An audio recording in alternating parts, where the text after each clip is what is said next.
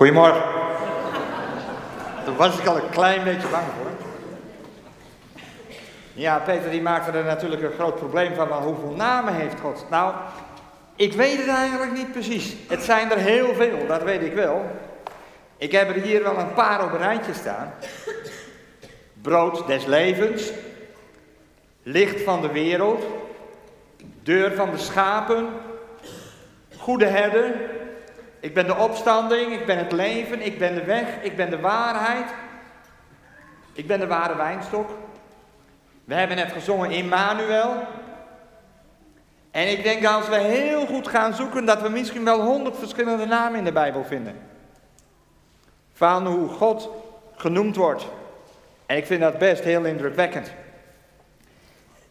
Vanmorgen gaan we het over een heel ander ding hebben. We gaan het hebben over, heeft God nog wel de tijd?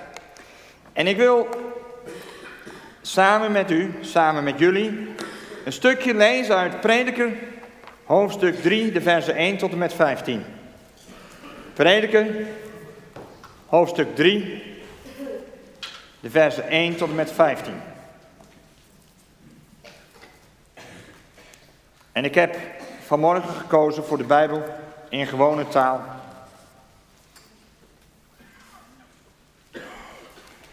Er is voor alles in het leven een geschikte tijd. Een tijd om kinderen te krijgen.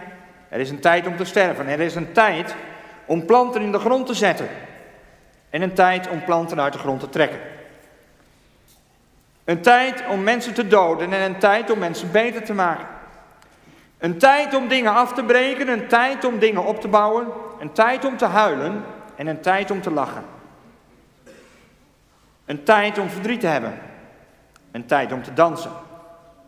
Een tijd om samen te slapen en een tijd om in je eentje te slapen. Er is een tijd om iemand te omhelzen. Een tijd om afstand te houden. Een tijd om iets te zoeken. Een tijd om iets te verliezen. Een tijd om dingen te bewaren en een tijd om dingen weg te gooien. Een tijd om iets los te scheuren en een tijd om iets heel te maken. Een tijd om stil te zijn. Een tijd om te praten. Een tijd om lief te hebben. Een tijd om te haten. Er is een tijd voor oorlog en een tijd voor vrede. Een mens heeft er niets aan om steeds maar hard te werken. Hard werken is een zware taak die God de mensen heeft opgelegd. God zorgt ervoor dat alles op de juiste tijd gebeurt. En hij heeft de mensen geleerd om dat te begrijpen.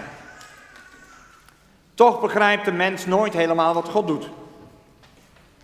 Daarom zeg ik, je kunt het beste maar vrolijk zijn en van het leven genieten. Als je lekker eet en drinkt en geniet van al wat je bezit, dan is dat een geschenk van God. Alles wat God doet, dat blijft voor altijd. Dat heb ik vastgesteld. Je kunt er helemaal niets aan veranderen. Zo zorgt God ervoor dat de mensen eerbied voor hem hebben. Alles wat er is, was er al lang. En wat nog komt, is er altijd al geweest. God laat steeds weer hetzelfde gebeuren. Tot zover Gods woord. En toen was het alweer 2017. 2017, wat gaat de tijd toch snel? Ik weet niet of jullie dat herkennen, maar naarmate dat ik ouder word, heb ik het idee dat het steeds sneller gaat.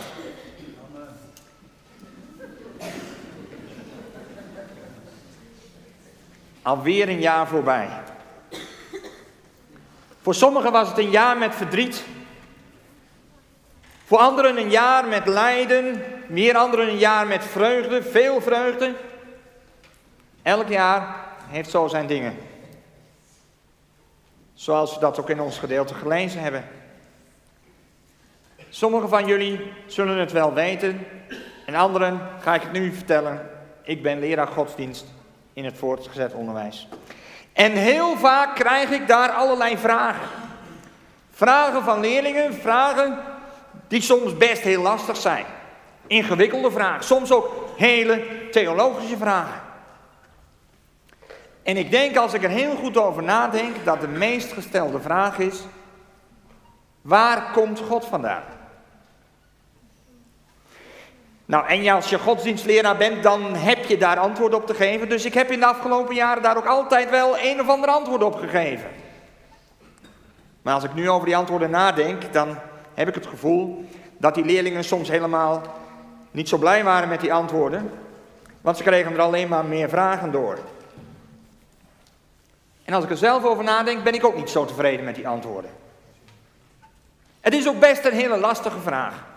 Om daar een antwoord op te geven, moet ik eerst een aantal dingen met jullie bespreken en ik kom daar straks op terug. Laten we eerst eens kijken naar het Bijbelgedeelte. Wat we samen gelezen hebben. Als Salomo deze woorden opschrijft, dan is hij een oude man geworden. Hij is aan het einde van zijn leven gekomen. En om een klein beetje te begrijpen, wil ik jullie kort iets over koning Salomo vertellen. Toen Salomo nog maar net koning was, toen kreeg hij van God de kans om iets voor zichzelf te vragen. Als God jou die vraag zou stellen, dan gaan er vast allerlei gedachten door je hoofd. Sommige mensen zullen denken aan rijkdom, anderen zullen weer denken aan een lang en gelukkig leven. Salomo dacht anders. Hij had van God een hele moeilijke taak gekregen. Elke dag weer kwamen mensen met moeilijke problemen bij hem en vroeg hij, moest hij daar recht over spreken, moest hij daar een uitslag over geven. En omdat hij die problemen zo lastig vond, vroeg hij om wijsheid. Hij was tot ontdekking gekomen dat koning zijn niet zo eenvoudig was. Want in die tijd was het zo, als je koning was, dan was je ook het hoofd van de regering. En ook het hoofd van de rechtspraak. Hij wist dat hij dat uit zichzelf niet zou kunnen. En Gods hulp had hij daar echt bij nodig. Hij had Gods hulp nodig om te begrijpen wat de problemen waren en om daar een goede uitspraak over te kunnen doen. En daarom vroeg Salomo aan God of God hem wijsheid wilde geven omdat, het, omdat hij niets voor zichzelf vroeg, kreeg hij van God als cadeautje daarbij een lang leven en veel rijkdom.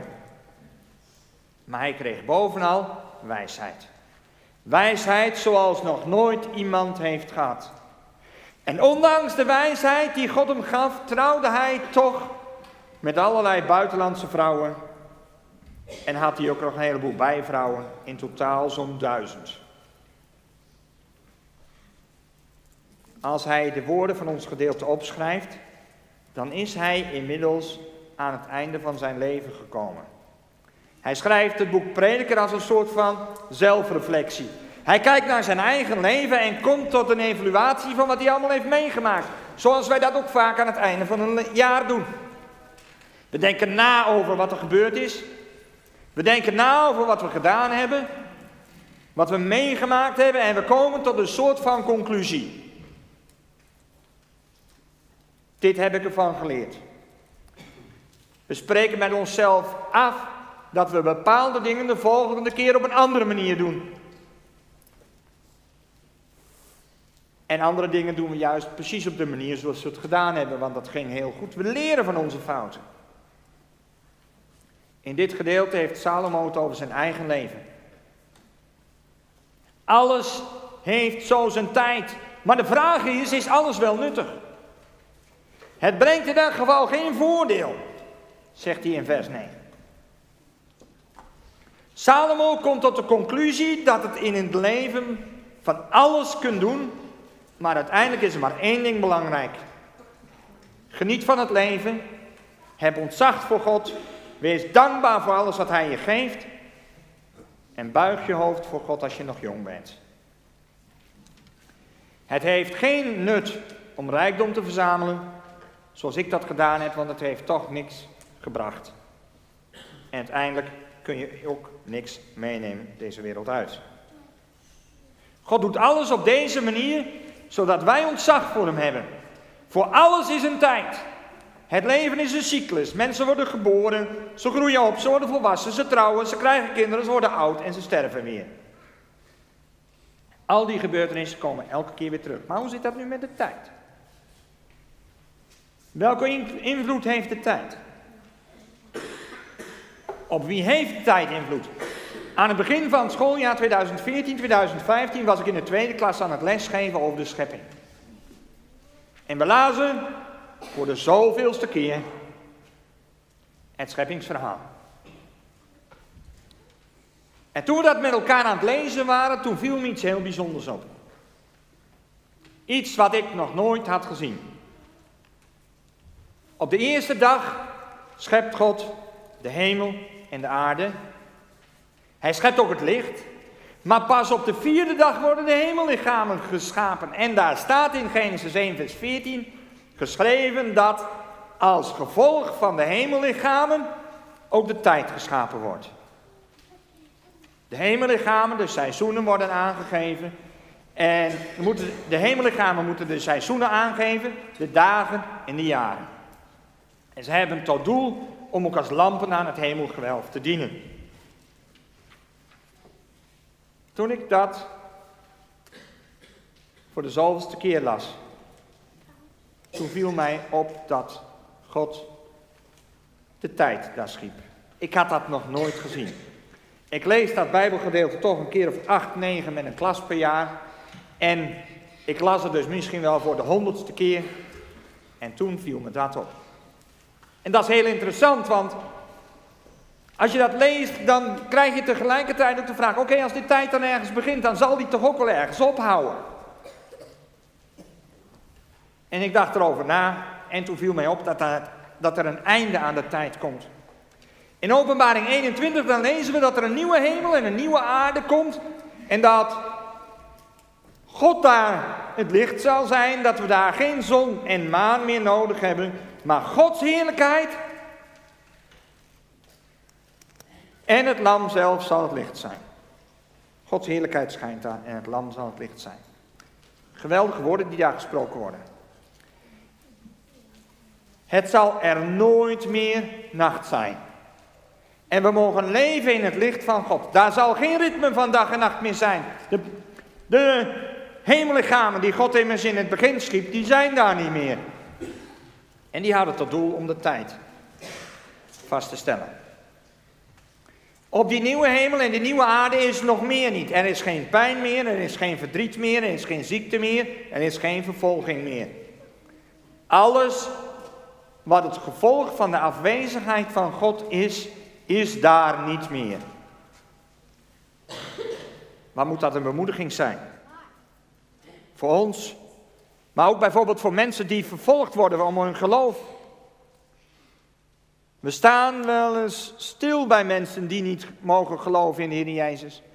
En we bidden voor hen, omdat zij het zo zwaar hebben, omdat ze zoveel strijd kennen. Maar daar in de hemel mogen ze eindelijk vrij God eren, zijn naam beleiden. Na de schepping van de hemellichamen was de tijd nog niet helemaal compleet. Pas na de zondvloed komen de seizoenen erbij. Jezaja omschrijft dat en hij zegt dat de aarde waggelde als gevolg van de zondvloed. En pas aan het einde van de zondvloed wordt gezegd dat er ook seizoenen zijn. Dan is er sprake van lente, zomer, herfst en winter. Dan is er sprake van koude en hitte. Doordat de as van de aarde niet meer precies in het midden staat, maar 23,44 graden uit het centrum van de aarde, is er sprake van seizoenen. En toen was nog de tijd niet compleet. We zien dat de Bijbel nog twee momenten heeft waarop God de tijd aanpast. Op internet kun je op een aantal plaatsen een verhaal lezen over de NASA. Kort daarover. De Amerikaanse NASA-wetenschappers die zouden enkele jaren geleden bezig zijn geweest met hele ingewikkelde computerberekeningen, omdat ze wilden weten hoe de stand van de planeten was geweest door de geschiedenis heen. En opeens zou de computer een foutmelding hebben gegeven. In deze reconstructie van de, van de ruimte bleek één dag precies te ontbreken. De geleerden kwamen er niet uit. Totdat er een astronaut was die opeens stilstond bij het zondagsschoolverhaal. En die zich herinnerde dat de zon een keer had stilgestaan. Hij ging op zoek, zocht zijn Bijbel op en hij vond de geschiedenis van Jozua in Gilgal. Daar lag dus de oplossing. Dat bleek toch niet te kloppen. Want de computers gaven een tijdverschil aan van 23 uur en 20 minuten. Dus net niet een hele dag. Terwijl de zon daar een dag had stilgestaan. Hoe kon dat nou? En toen opeens herinnerde een christelijk opgevoede collega zich een tweede moment waarop de tijd werd aangepast. Koning Hiskia die was een lange tijd heel ziek geweest. Hij zou ook sterven, maar God die voegde toch nog een klein deel aan zijn leven toe. Hij mocht als bewijs van de genezing die over een paar dagen zou komen, de zon tien treden vooruit of achteruit laten gaan. Laat dat nou 40 minuten zijn. En zo klopte het verhaal van de berekeningen van de computers van de NASA. Of het verhaal klopt, wordt door sommigen bestreden. Maar in ieder geval is hier de tijd compleet geworden. Als God de schepper van de tijd is, dan is hij dus groter dan de tijd. Dan staat hij boven de tijd. Hij is de maker van de tijd en hij is dus machtiger dan de tijd. De tijd is duidelijk aan hem onderworpen. En dat heeft hele grote consequenties voor het lezen van de Bijbel. Want als er bij God zelf geen tijd is, dan betekent dat dat wij straks, als wij bij Hem zijn, ook niet meer aan de tijd gebonden zijn. En al nadenkend bleek dit de sleutel te zijn tot het antwoord op de vraag die mij als godsdienstdocent het meest gesteld wordt. Zoals ik aan het begin van de preek zei. De vraag die elk jaar een aantal keren terugkomt. Waar komt God vandaan? Ik kan daar nu, denk ik, een sluitend antwoord op geven. Als wij mensen aan tijd onderworpen zijn, dan hebben wij het gevoel dat alles een begin en een eind moet hebben. Dat gevoel is zo groot dat eigenlijk alle wereldgodsdiensten die er zijn een antwoord geven op vier vragen. De eerste vraag, waar kom ik vandaan? De tweede vraag, waarom ben ik op aarde? De derde vraag, en als er dan een einde aan mijn leven komt, waar ga ik dan naartoe? Bijna alle godsdiensten geven daar twee mogelijkheden op. De eerste is een goede en de tweede is een slechte plaats. En daarom is er ook een vierde vraag. Waar, op welke manier kom ik op die goede plaats terecht? De mens is bij alles op zoek naar een begin en een eind. Dat doen we omdat we gebonden zijn aan de tijd. Ons denken is onderworpen aan de tijd. En als er bij God geen tijd is, dan is de vraag waar komt God vandaan geen legitieme vraag. Het is een vraag die het gevolg is van ons beperkte denken. Het antwoord op de vraag waar komt God vandaan is dan ook, het is geen goede vraag, want er is bij God geen tijd. En er is dus bij hem ook geen begin en geen eind. Hij stelt zich ook niet voor niets voor als de ik ben. Niet als de ik was of de ik zal zijn, maar als de ik ben. Als bij God geen tijd is, dan heeft dat grote consequenties op de uitleg van onze Bijbel. In eerste instantie heb ik er diep over nagedacht wat de gevolgen zouden zijn. En dat maakte mij zo nieuwsgierig dat ik er meer over wilde lezen. Maar over het onderwerp was maar weinig te vinden. Ik vond uiteindelijk een paar bladzijden bij de oude kerkvader Augustinus. De gevolgen waren zo groot dat ik eind 2015, begin 2016 ben begonnen met schrijven. Dingen op te schrijven, de dingen die ik vond. En het was, dat was een periode dat ik uh, zelf wat te maken had met ziekte. En dat ik wat langer thuis was. En uiteindelijk heb ik alles voor mezelf op een rijtje gezet en heb ik een boek geschreven. Ik ben in die periode veel meer van God gaan begrijpen. Mijn inzicht in de dingen die ik in de Bijbel lees is zo gegroeid. Omdat uiteindelijk verschillende dingen op zijn plaats vielen. En toch ben ik aan het einde van mijn denk- en schrijfproces tot de conclusie gekomen dat het percentage wat ik van God begrijp misschien nog wel veel kleiner is dan dat ik dacht. God is vele malen groter dan ik ooit heb kunnen denken. En ik ben tot de conclusie gekomen dat het deel wat ik van Hem begrijp kleiner is dan ik ooit heb gedacht. Dat doordenken heeft ertoe geleid dat ik de gedachten op papier gezet heb. En dat is begin, is een boek geworden. En dat heb ik begin juli 2016 uitgegeven.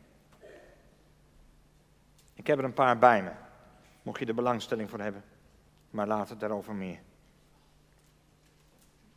Ik begrijp nu waarom sommige mensen die een bijna doodervaring hebben gehad, een film van hun leven zien. We hebben het net ook gelezen, hè? Dat wat in het verleden al gebeurd is, uh, dat was er altijd al. Het, dat wat in de toekomst gebeurt, dat is al geweest. Dat laatste vers wat we lazen. Dat was ook een sleutel tot het begrijpen van die dingen. Ze zien een film van hun leven. Op het moment dat hun hart stopt met kloppen, worden ze uit de tijd genomen. Vroeger zeiden mensen wel eens als iemand gestorven was, hij is uit de tijd gekomen. Bij ons zijn het, u de tide komen. Maar goed. Eigenlijk helemaal niet zo'n rare uitdrukking. Want op het moment dat je sterft ben je uit de tijd in de eeuwigheid terechtgekomen. We worden door God opgetrokken uit de tijd als mensen een bijna doodervaring hebben. En we kunnen dat even, even, dan kunnen we dan even op dezelfde manier als God naar ons leven kijken. Het doet mij denken aan een natuurfilm. Ik weet niet of jullie wel eens naar natuurfilms kijken. Ik meestal de eerste 20 minuten en dan ben ik vertrokken. Er zijn mensen die dat herkennen. Maar soms dan ben ik erbij en dan heb je zo'n shot van, zo, eh, van winter, voorjaar, zomer, herfst. En dan laten ze je in 30 seconden het hele seizoen zien. Ze zetten dan ergens in een natuurgebied zetten ze een camera neer. En laten die camera een paar keren per dag één beeldje maken. En als je dan na een jaar die beeldjes dan heb je lente, zomer, herfst en winter in een halve minuut. Ik geloof dat God zo naar ons leven kan kijken. Ik geloof dat God op diezelfde manier naar jouw leven kijkt. Hij weet al op welke manier jouw leven zal verlopen. Dat kan alleen maar omdat hij boven de tijd staat. En doordat hij boven de tijd staat, weet hij hoe de rest van ons leven zal verlopen. Het is in zijn ogen al gebeurd.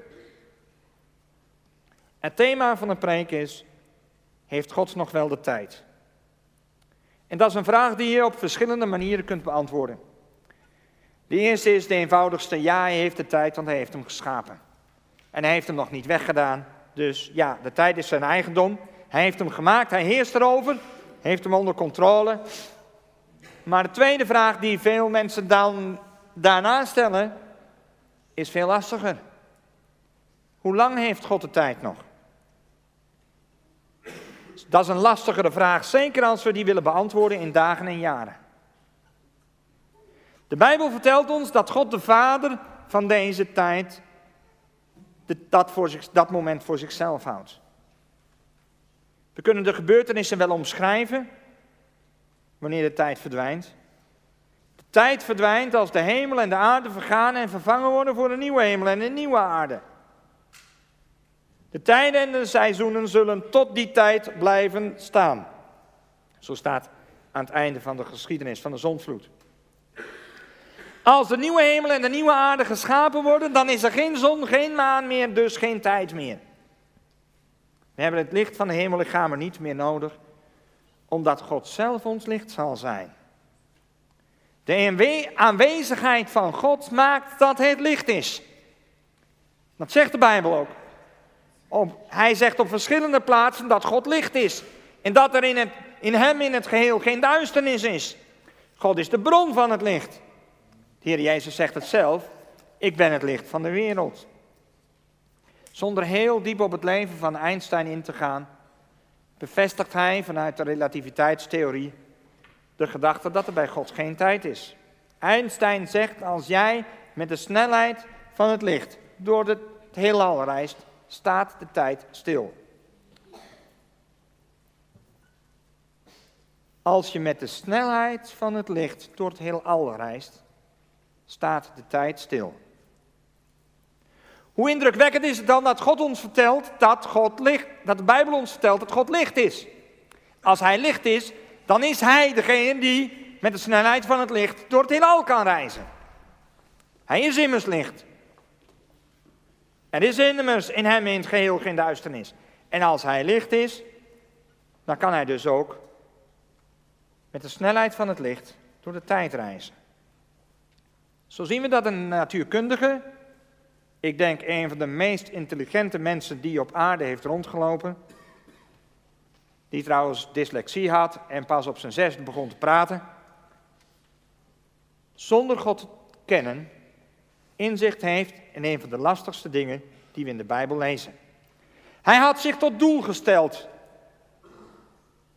om God in een natuurkundige formule te vatten.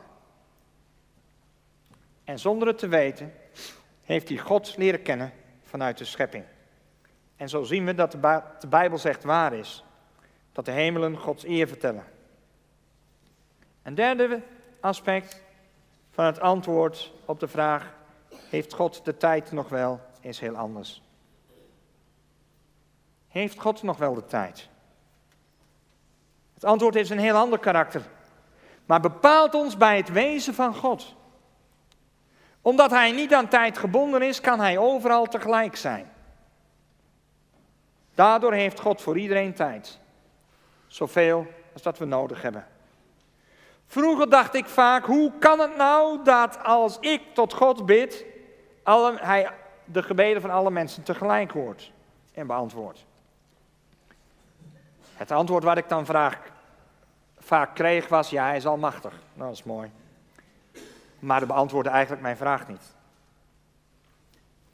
Maar God kan, doordat hij boven de tijd staat, alles gemakkelijk overzien en heeft inzicht in al onze problemen.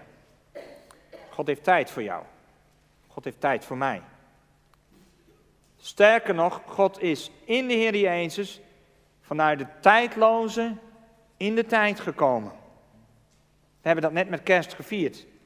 Hij is mens geworden en heeft als mens geleefd. Hij werd volledig mens en kwam in de tijd. En daarom is hij ook als een babytje geboren en niet als een volwassene op aarde gekomen. Hij wilde volledig mens zijn. Om in de tijd aan de tijd onderworpen te leven. En uiteindelijk alles mee te maken. Hij kent de strijd van jouw leven. Hij weet wat het allerbeste voor jou is. Hij kan zich in ons verplaatsen. Hij wil jouw verhalen en mijn verhalen horen en luisteren naar je moeite en zorgen. Psalm 68, vers 19 zegt dat God ons dag aan dag wil dragen. Dat Hij ons heil is, dat Hij onze verlossing wil zijn. Hij wil met onze zorgen en problemen iets doen. Als we zelf niet meer kunnen, wil Hij ons er doorheen dragen. We mogen Hem al onze zorgen en pijn vertellen. Hij heeft de tijd. Alles wat ons bezighoudt. Al onze bekommernissen, zegt een, van, zegt een Bijbelgedeelte in, in Petrus, mogen we aan Hem vertellen.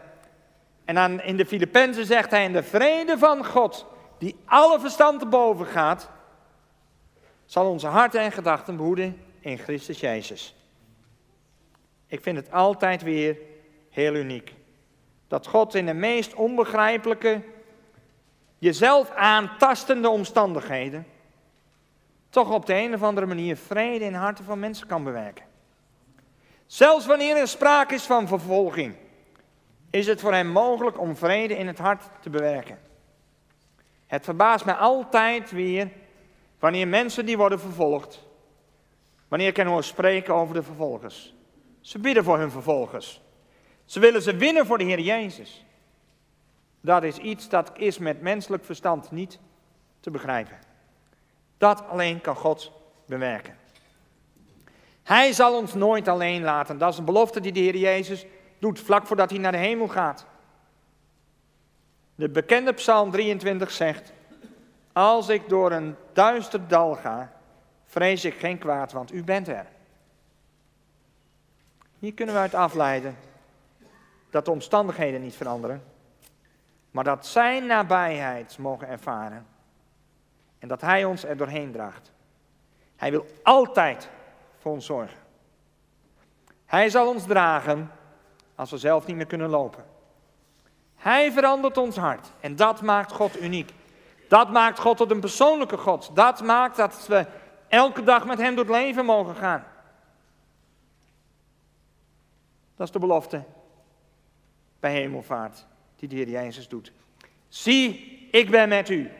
Alle dagen, ook de dagen van 2017, tot aan de voleinding van de wereld.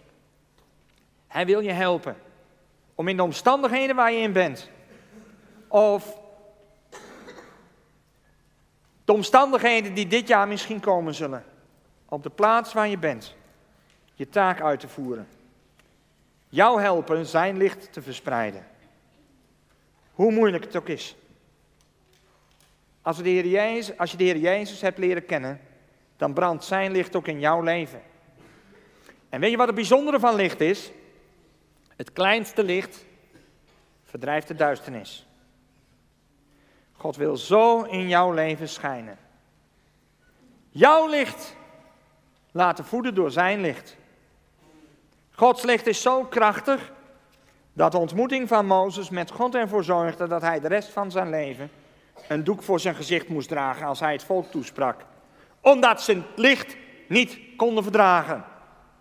Dat geweldige licht wil in jouw leven schijnen. Als dat in jou schijnt, dan kan het niet anders dan verspreid je licht. God heeft zo bemoeienis met ons allemaal. Hij kan doordat hij boven de tijd staat, bij een ieder van ons zijn. Hij kan zo zonder aan de tijd gebonden te zijn voor ons zorgen. Het valt mij op dat er films waarbij gereisd wordt in de tijd, of films die over de toekomst gaan, grote aantallen mensen trekken.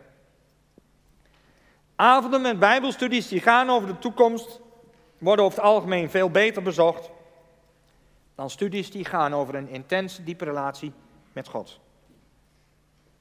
Mensen zijn geïnteresseerd in de toekomst. De Bijbel laat zien dat er in de toekomst geen tijd meer zal zijn.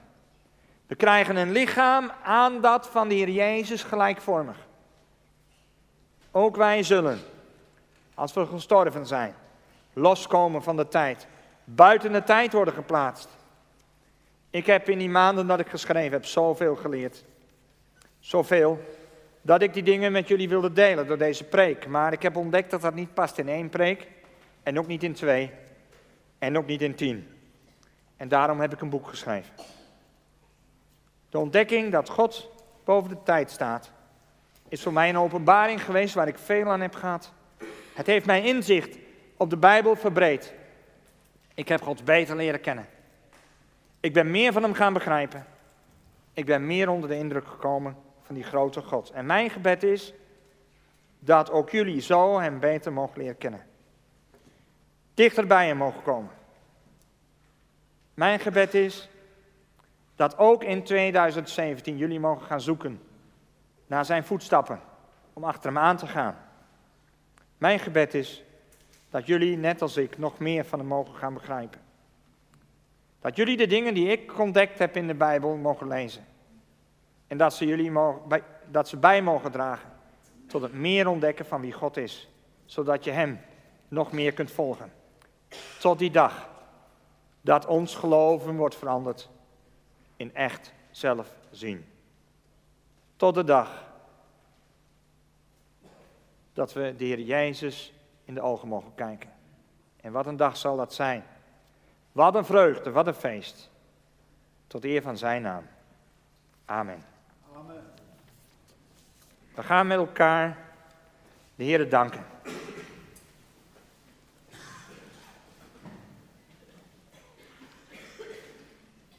Vader in de hemel, we willen u bedanken voor wie u bent. We willen u bedanken, Heer, dat u in uw Zoon, de Heer Jezus Christus, naar deze aarde gekomen bent. Dat u in ons leven gekomen bent. Heer, ik wil u danken dat er een moment is geweest dat u hebt ingegrepen, ook in ons leven. En dat we u mochten leren kennen. Ik wil bidden voor degenen die u niet kennen. En vragen, Heer, of u ook wil maken dat ook zij tot onder de indruk mogen komen van uw grootheid, van uw almacht, van uw trouw, van uw liefde. Uw liefde die zo zichtbaar werd in het offer van uw zoon. Ik wil u danken daarvoor. Ik wil u bidden, Heer, of u ook bij ons wil zijn in het jaar wat voor ons ligt. Heer, als we terugkijken, dan zullen er mensen zijn die terugkijken op een jaar met veel verdriet. Dan zullen er mensen zijn die terugkijken op een jaar met veel zorgen. Ik wil u danken dat u ons nooit alleen gelaten hebt. En ik wil u bidden, Heer, of u ook in het jaar wat voor ons ligt, ja, bij ons allemaal wil zijn. Heer, wilt u dicht bij ons zijn? Wilt u als het nodig is een arm aan onze schouders slaan? Wilt u als we niet in staat zijn om zelf te lopen, ja, ons dragen door die moeilijke omstandigheden heen? Heer, ik wil u danken dat u ja, zegt dat u ons nooit alleen laat, dat u altijd bij ons bent. En ik wil u loven en prijzen voor het feit dat we u mogen kennen. Ik wil u danken, Heer, dat u ja, vanuit het tijdloze in de tijd gekomen bent. Dat u echt mensen hebt willen worden. En dat u ons daarom ook zo begrijpt. Elke dag opnieuw. Ik wil u bidden, Heer, of u ons wil helpen om ja, het licht wat in onze harten schijnt, om dat te laten zien op de plaats waar we zijn, in het werk wat we doen. Heer wil maken dat mensen aan ons kunnen zien dat we uw licht verspreiden. Ik wil u danken, Heer, dat u ja, niet van ons verwacht dat wij aan het werk gaan, maar dat u door ons heen met uw Heilige Geest wilt werken. En ik wil u bidden, Heer, of u ja, ook deze dag zo verder dicht bij ons wil zijn. Heer wil ons leiden in ons leven.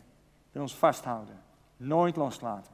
Wil maken, Heer, dat, dat ons leven er zal zijn om u te verheerlijken. Om uw naam groot te maken. Heer, we willen u danken. Loven en prijzen. Voor alles wat u ons geeft. Om Jezus wil. Amen. We gaan met elkaar zingen. Nog twee liederen volgens mij. En de eerste is een oude. Volgens mij is het nummer 80. Elk uur, elk ogenblik. Als we dat met elkaar gezongen hebben, dan willen we bidden om de zegen van onze Heer. Daarna willen we nog met elkaar uh, een slotlied zingen. En voordat we dat doen, want ik ben een wereldrecordhouder in het vergeten, twee dingen. Het eerste is, mocht er iets zijn wat u heeft aangesproken, mocht het zijn dat er iets is in uw leven, waarvan u zegt dat is een moeilijkheid, ik wil graag dat daarvoor gebeden wordt, na de dienst zijn er mensen om samen met u te bidden. Om samen ook met u door te praten, misschien ook over de dingen die we met elkaar gehoord hebben. Mocht het zo zijn dat u zegt, ik zou toch meer willen weten over wat er vanmorgen gezegd is. Dit is mijn boek. Hij kost 16,50 euro. En als u geen geld bij u hebt, dan lossen we dat op de een of andere manier op. Ik ben niet in staat om te, incasseren, maar we lossen dat op de een of andere manier op. We gaan met elkaar zingen. En ik stel voor dat voor zover onze aardse tent dat nog toelaat, we het staande met elkaar doen.